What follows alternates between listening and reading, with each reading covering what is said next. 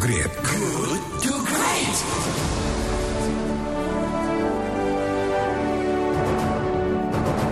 107,1 Kilat FM Bandung Inspiring Sound. Terima kasih sahabat Kilat, Anda masih di Good to Great because good is the enemy of great. Dan tiba saatnya kami akan masuk ke sesi diskusi ketiga di pagi hari ini dan kami akan mengajak Anda untuk bersama-sama uh, membahas dan kita akan mengangkat tema obrolan kita kali ini yaitu menelaah pembebasan mantan ketum P3 Roma Hurmuzi. Apa implikasinya bagi semangat perang terhadap korupsi di negeri ini?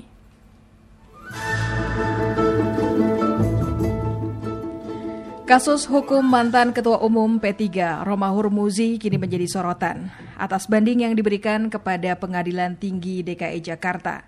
Romi bisa bebas pada 29 April lalu. Namun kini KPK tengah mengajukan kasasi ke Mahkamah Agung.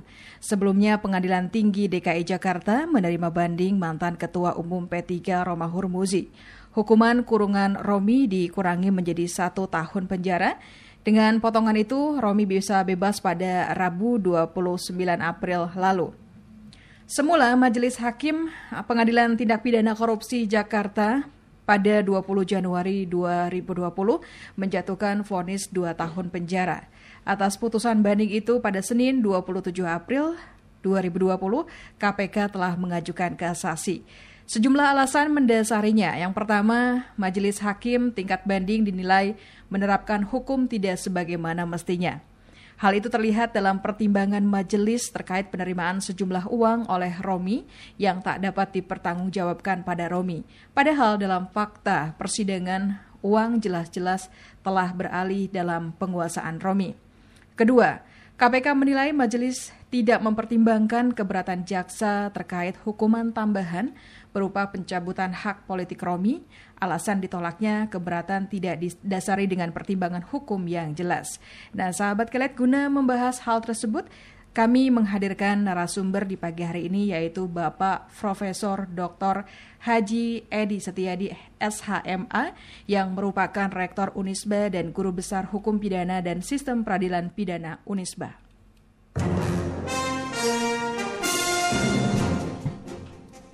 Halo, Assalamualaikum warahmatullahi wabarakatuh. Selamat pagi, Prof. Edi.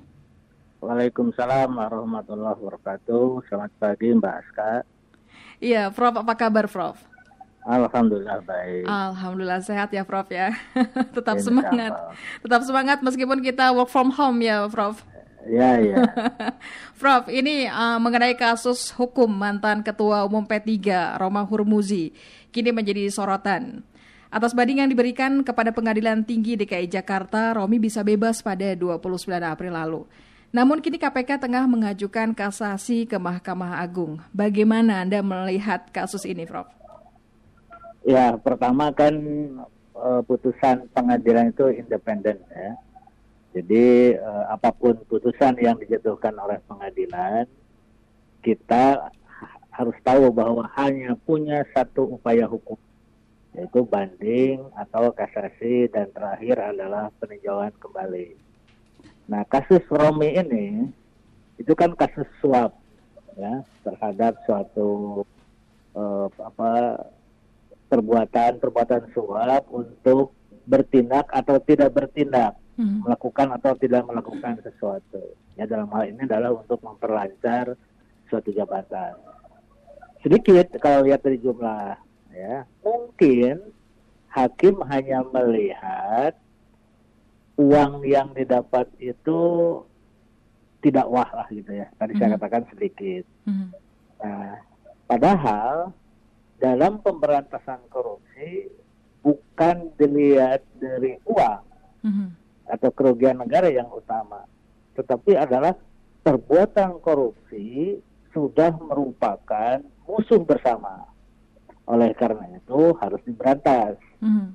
Nah, apalagi ini dilakukan oleh suatu ketua umum partai yang mempunyai kekuatan politik yang tinggi. Mm-hmm. Artinya kecenderungan dia melakukan abuse of power mm-hmm. sangat tinggi. Nah, mestinya hakim melihatnya itu bahwa sebagai seorang ketua partai yang mempunyai kedudukan politik yang tinggi, dia tidak patut melakukan seperti itu dan harus tahu bahwa jabatan yang dipegang oleh Romi itu bisa membuat atau menjadikan sebuah negara bisa hancur gitu. Mhm. karena dia punya kekuatan politik.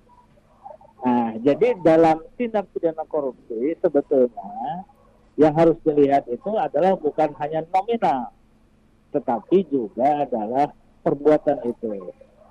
Nah, semestinya hakim itu melihat bahwa perbuat perbuatan ini lebih jahat daripada hanya sekedar menerima uang yang hanya ratusan juta itu. Ya. Ya.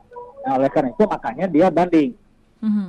ya banding dan ternyata banding malah dikurangi hukumannya Mhm.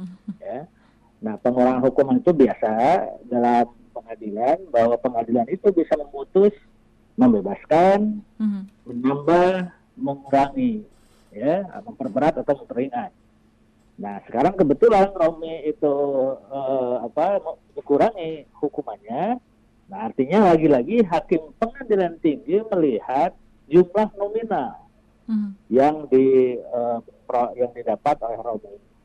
Nah sekarang KPK melakukan kasasi. Mhm. Harus diingat bahwa kasasi itu adalah membantah soal betul tidaknya penerapan hukum yang dilakukan oleh hakim. Kalau melihat fakta dari tingkat pengadilan negeri sampai pengadilan tinggi, saya kira fakta hukumnya korupsi itu sudah benar penerapan hukumnya. Yang salah itu mungkin dalam tanda kutip adalah hukuman. Eh, Nah, jadi hakim, eh, hakim kasasi atau KPK dalam hal ini harus bisa membantah bahwa penjatuhan hukuman yang dilakukan oleh pengadilan tinggi itu adalah salah. Nah, itu yang harus harus yang harus dilihat. Salahnya itu di mana? Ya, bukan soal jumlah nominal nih. Mhm. Ya, kayak kalau salah itu adalah salah menerapkan hukum. Ya. Nah, ini memang agak berat bagi eh, KPK untuk membuktikan bahwa hakim tinggi telah menerapkan hukum secara salah. Oke, iya iya.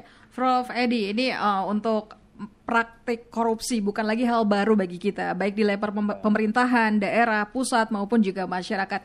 Bisa dibilang kasus korupsi sudah sangat memprihatinkan, seolah menjadi tradisi yang mendarah daging yang tak kunjung menemukan solusi, bisa dikatakan seperti itu ya. Eh, nominal uang yang digondol oleh para koruptor, eh, selain itu juga eh, berimplikasi kepada moral juga tentu saja. Tindakan merugikan negara dan masyarakat, tidak hanya secara ekonomi, tapi juga secara mental dan moral bangsa.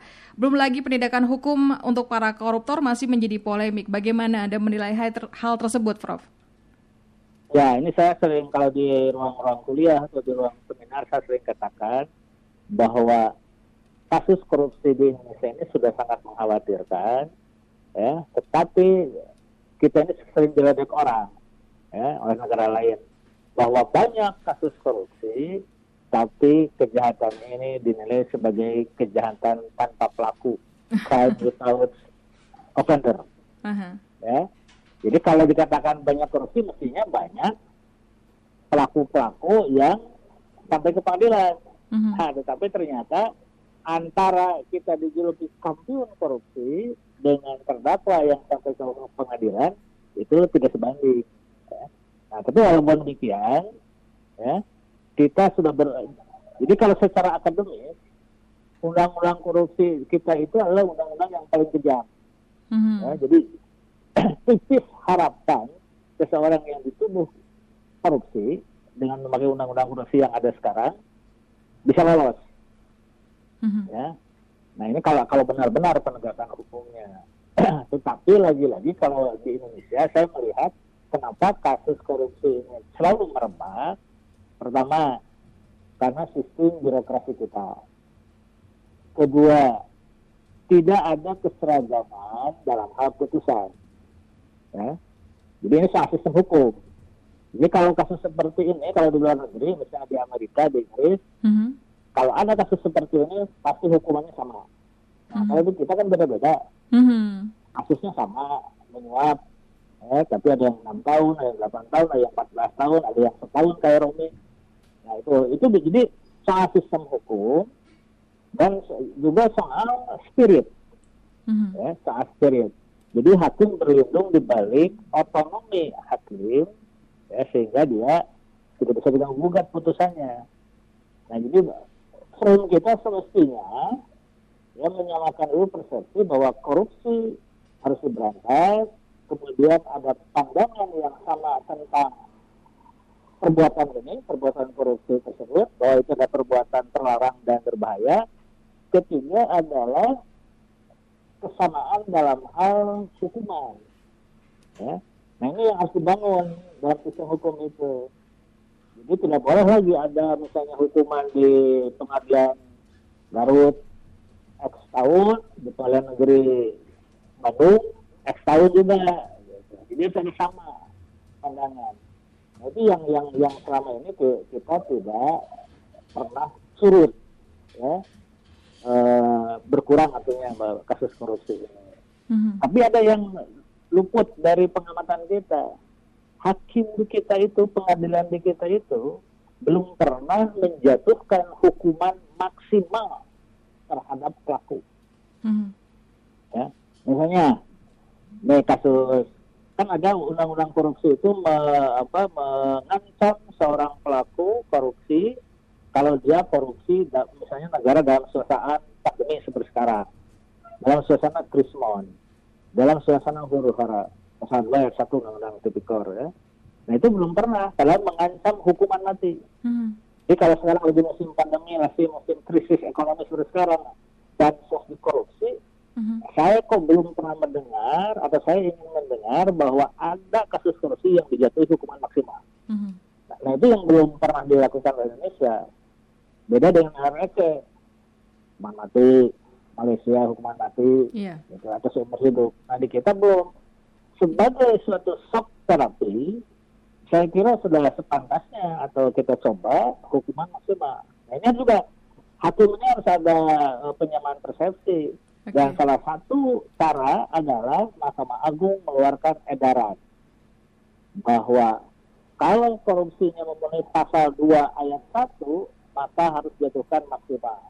Sebagaimana Mahkamah Agung mengeluarkan edaran bahwa kalau ancamannya di bawah setahun, nah, atau bahwa misalnya kasus kejahatan kalau hanya kerugiannya 2 juta, tidak perlu diajukan ke pengadilan. Padahal ada kasus yang 500 ribu itu uh, di Garut maksudnya korupsi karena itu uang negara. Hmm. Nah itu yang yang yang belum kita coba oleh Mahkamah Agung kita. Baik, baik. Prof, uh, seperti yang tadi Anda ungkapkan bahwa uh, hakim sulit menjatuhkan hukuman maksimal. Menurut Anda, faktor-faktor apa yang membuat penegakan kasus korupsi ini seperti sulit sekali diberantas? Bahkan uh, mungkin sebagian uh, masyarakat menilai bahwa hukum di Indonesia terkesan uh, nilainya uh, terkesan lemah dinilai oleh masyarakat luas. Ya. Saya melihat itu ya. Pertama, tadi saya katakan bahwa hakim itu berlindung di balik independensi. Hmm. ya bahwa putusan itu terserah. Eh, saya misalnya. Itu satu. Dan itu dilindungi undang-undang. Itu adalah ajas universal. Di seluruh dunia juga seperti itu. Kalau Indonesia satu itu. Kedua nah ini di Indonesia itu ya, menilai sebuah perbuatan itu selalu didasarkan kepada keyakinan dan perasaan hakim. Hmm. Ya, kita ketahui bahwa sifat bangsa Indonesia ini kan primordial. Bisa saja ini satu daerah, satu alma mater, gitu ya, atau kenalan. Itu mau tidak mau mempengaruhi. Hmm. Saya pernah menguji disertasi mahasiswa ya eh, tentang kasus korupsi. Dia menguji eh, menulis tentang perilaku hakim dalam menjatuhkan hukuman. Jadi dia karena dia orang psikologi dia menjual perilaku dan hmm. ternyata sikap-sikap seperti yang saya sebutkan tadi dominan. Hmm. Ya. Nah ini yang yang ini mungkin bukan studi hukum tapi studi psikologi tapi luput dari perhatian para ahli hukum. Ya. Jadi pertama berlindung di balik independensi hakim, otonomi hakim dalam menjatuhkan hukuman. Kedua juga tadi sifat-sifat dari kita Makanya ada yang mengusulkan harus sistem juri gitu. Tapi sistem juri juga kalau sifat kita masih primordial, eh, daerah sentris gitu ya begitu ya bisa juga. Yeah. Banyak sih faktor yang mempengaruhi kenapa hakim menjatuhkan putusan itu kadang-kadang kontroversial. Banyak. Mm. -hmm. Ya, Prof. Edi, ini uh, kembali ke kasus Romi. Terlepas dari saat ini, upaya kasasi tengah ditempuh oleh KPK. Apa implikasinya pembebasan Romi ini bagi spirit terhadap uh, uh, bagi spirit perang terhadap korupsi di negeri kita ini? Arti, ya, kalau soal spirit, saya setuju KPK kasasi. Itu artinya menunjukkan bahwa KPK itu betul-betul sebuah lembaga yang berfungsi memberantas korupsi tapi ada juga sisi negatifnya bagi para koruptor atau orang yang berpotensi melakukan korupsi. Artinya yang selama ini kalau misalnya ditangani oleh KPK itu tidak pernah bebas, tidak pernah berkurang, ternyata sekarang ditembus. Ada yang bebas, ada yang berkurang. Artinya bagi pelaku yang lain atau orang yang berpotensi pelaku lain, dalam dirinya mungkin sudah ada harapan bahwa ah KPK juga bisa ditembus. Nah ini bagi KPK tentu saja dia berkewajiban kasasi, ya dia tidak boleh surut karena tugasnya memberantas korupsi. Mm. Efek negatifnya adalah tadi ya ada sedikit harapan bagi pelaku ya untuk berusaha melakukan upaya hukum lain dan itu sering dilakukan. Mm. Ya. Iya, Prof, ini uh, uh, KPK mengajukan uh, kasasi dan sejumlah alasan mendasari uh, kasasi dari KPK dan salah satu alasannya KPK menilai majelis tidak, tidak mempertimbangkan keberatan jaksa terkait hukuman tambahan berupa pencabutan hak politik Romi. Alasan ditolaknya keberatan tidak didasari pertimbangan hukum yang jelas. Bagaimana menurut pandangan Anda, Prof? Ya itu, ya jadi pertimbangan hakim seperti itu harus dinilai oleh KPK dalam memori kasasinya salah menerapkan hukum atau tidak.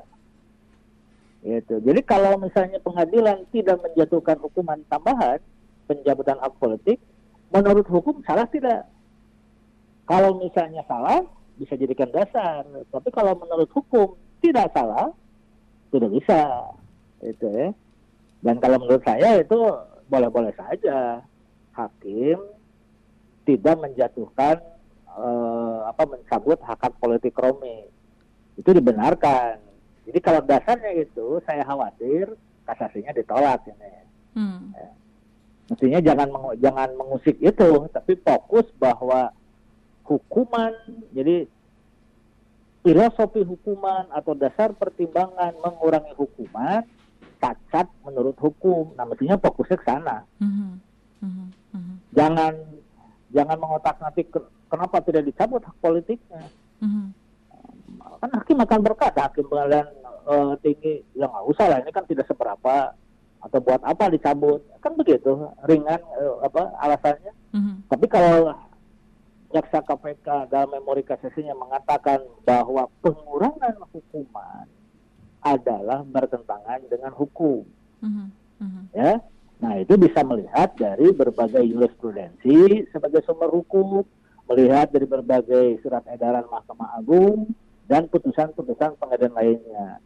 Bila perlu kita uh, apa dengan perbandingan dengan pengadilan luar negeri ya yang menjatuhkan hukuman dalam kasus korupsi. Mestinya begitu, mm-hmm. jaksa KPK itu. Iya, Prof, yang terakhir, uh, kini bola berada di tengah di tangan Majelis Hakim MA yang akan menyidangkan ya. perkara kasasi yang diajukan oleh MA. Apa harapan Anda pada Hakim MA, Prof? Gini deh, ya kalau uh, saya tidak akan mencampuri misalnya hukumannya diperberat atau tidak, mm-hmm. ya. Tetapi dalam melihat kasus korupsi itu, jangan nilai kerugian negara yang diderita. Mm-hmm. Tetapi sebagaimana saya katakan tadi, nilailah bahwa perbuatan tersebut adalah perbuatan tercela dan merupakan musuh masyarakat dan negara. Mm-hmm. Itu yang harus dipegang.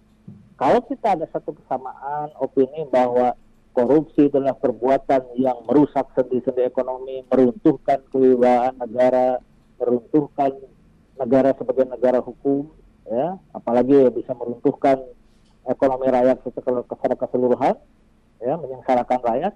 Mm-hmm. Nah, itu yang harus jadi dasar. Ya, jadi spirit itu harus dibangun dengan melihat berbagai aspek, Jangan hanya melihat oh ini hanya 200 juta nih. Tidak tidak sekali berlah ya eh, dengan misalnya kedudukan Romi sebagai ketua partai masa tidak punya uang 200 juta. Jangan lihat itunya. Iya, iya. Tapi lihat perbuatannya bahwa dia melakukan penyalahgunaan kekuasaan sebagai ketua partai untuk menggolkan sebuah keputusan administrasi. Itu yang harus dilihat dan itu berbahaya. Harapan saya itu hakim melihatnya.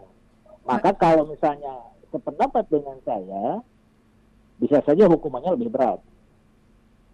Mhm, mhm. Iya, iya. Baik, Prof. Edi, terima kasih untuk bincang-bincang di pagi hari ini. Informasinya menambah eh, wawasan bagi kami. Terima kasih sama-sama. Iya, selamat pagi. Sukses untuk Anda. Wassalamualaikum warahmatullahi wabarakatuh. Waalaikumsalam warahmatullahi wabarakatuh. Ya, demikian sahabat Kelet, perbincangan kita bersama dengan narasumber Profesor Dr. Haji Edi Setiadi SHMA yang merupakan Rektor Unisba dan juga Guru Besar Hukum Pidana dan Sistem Peradilan Pidana Unisba.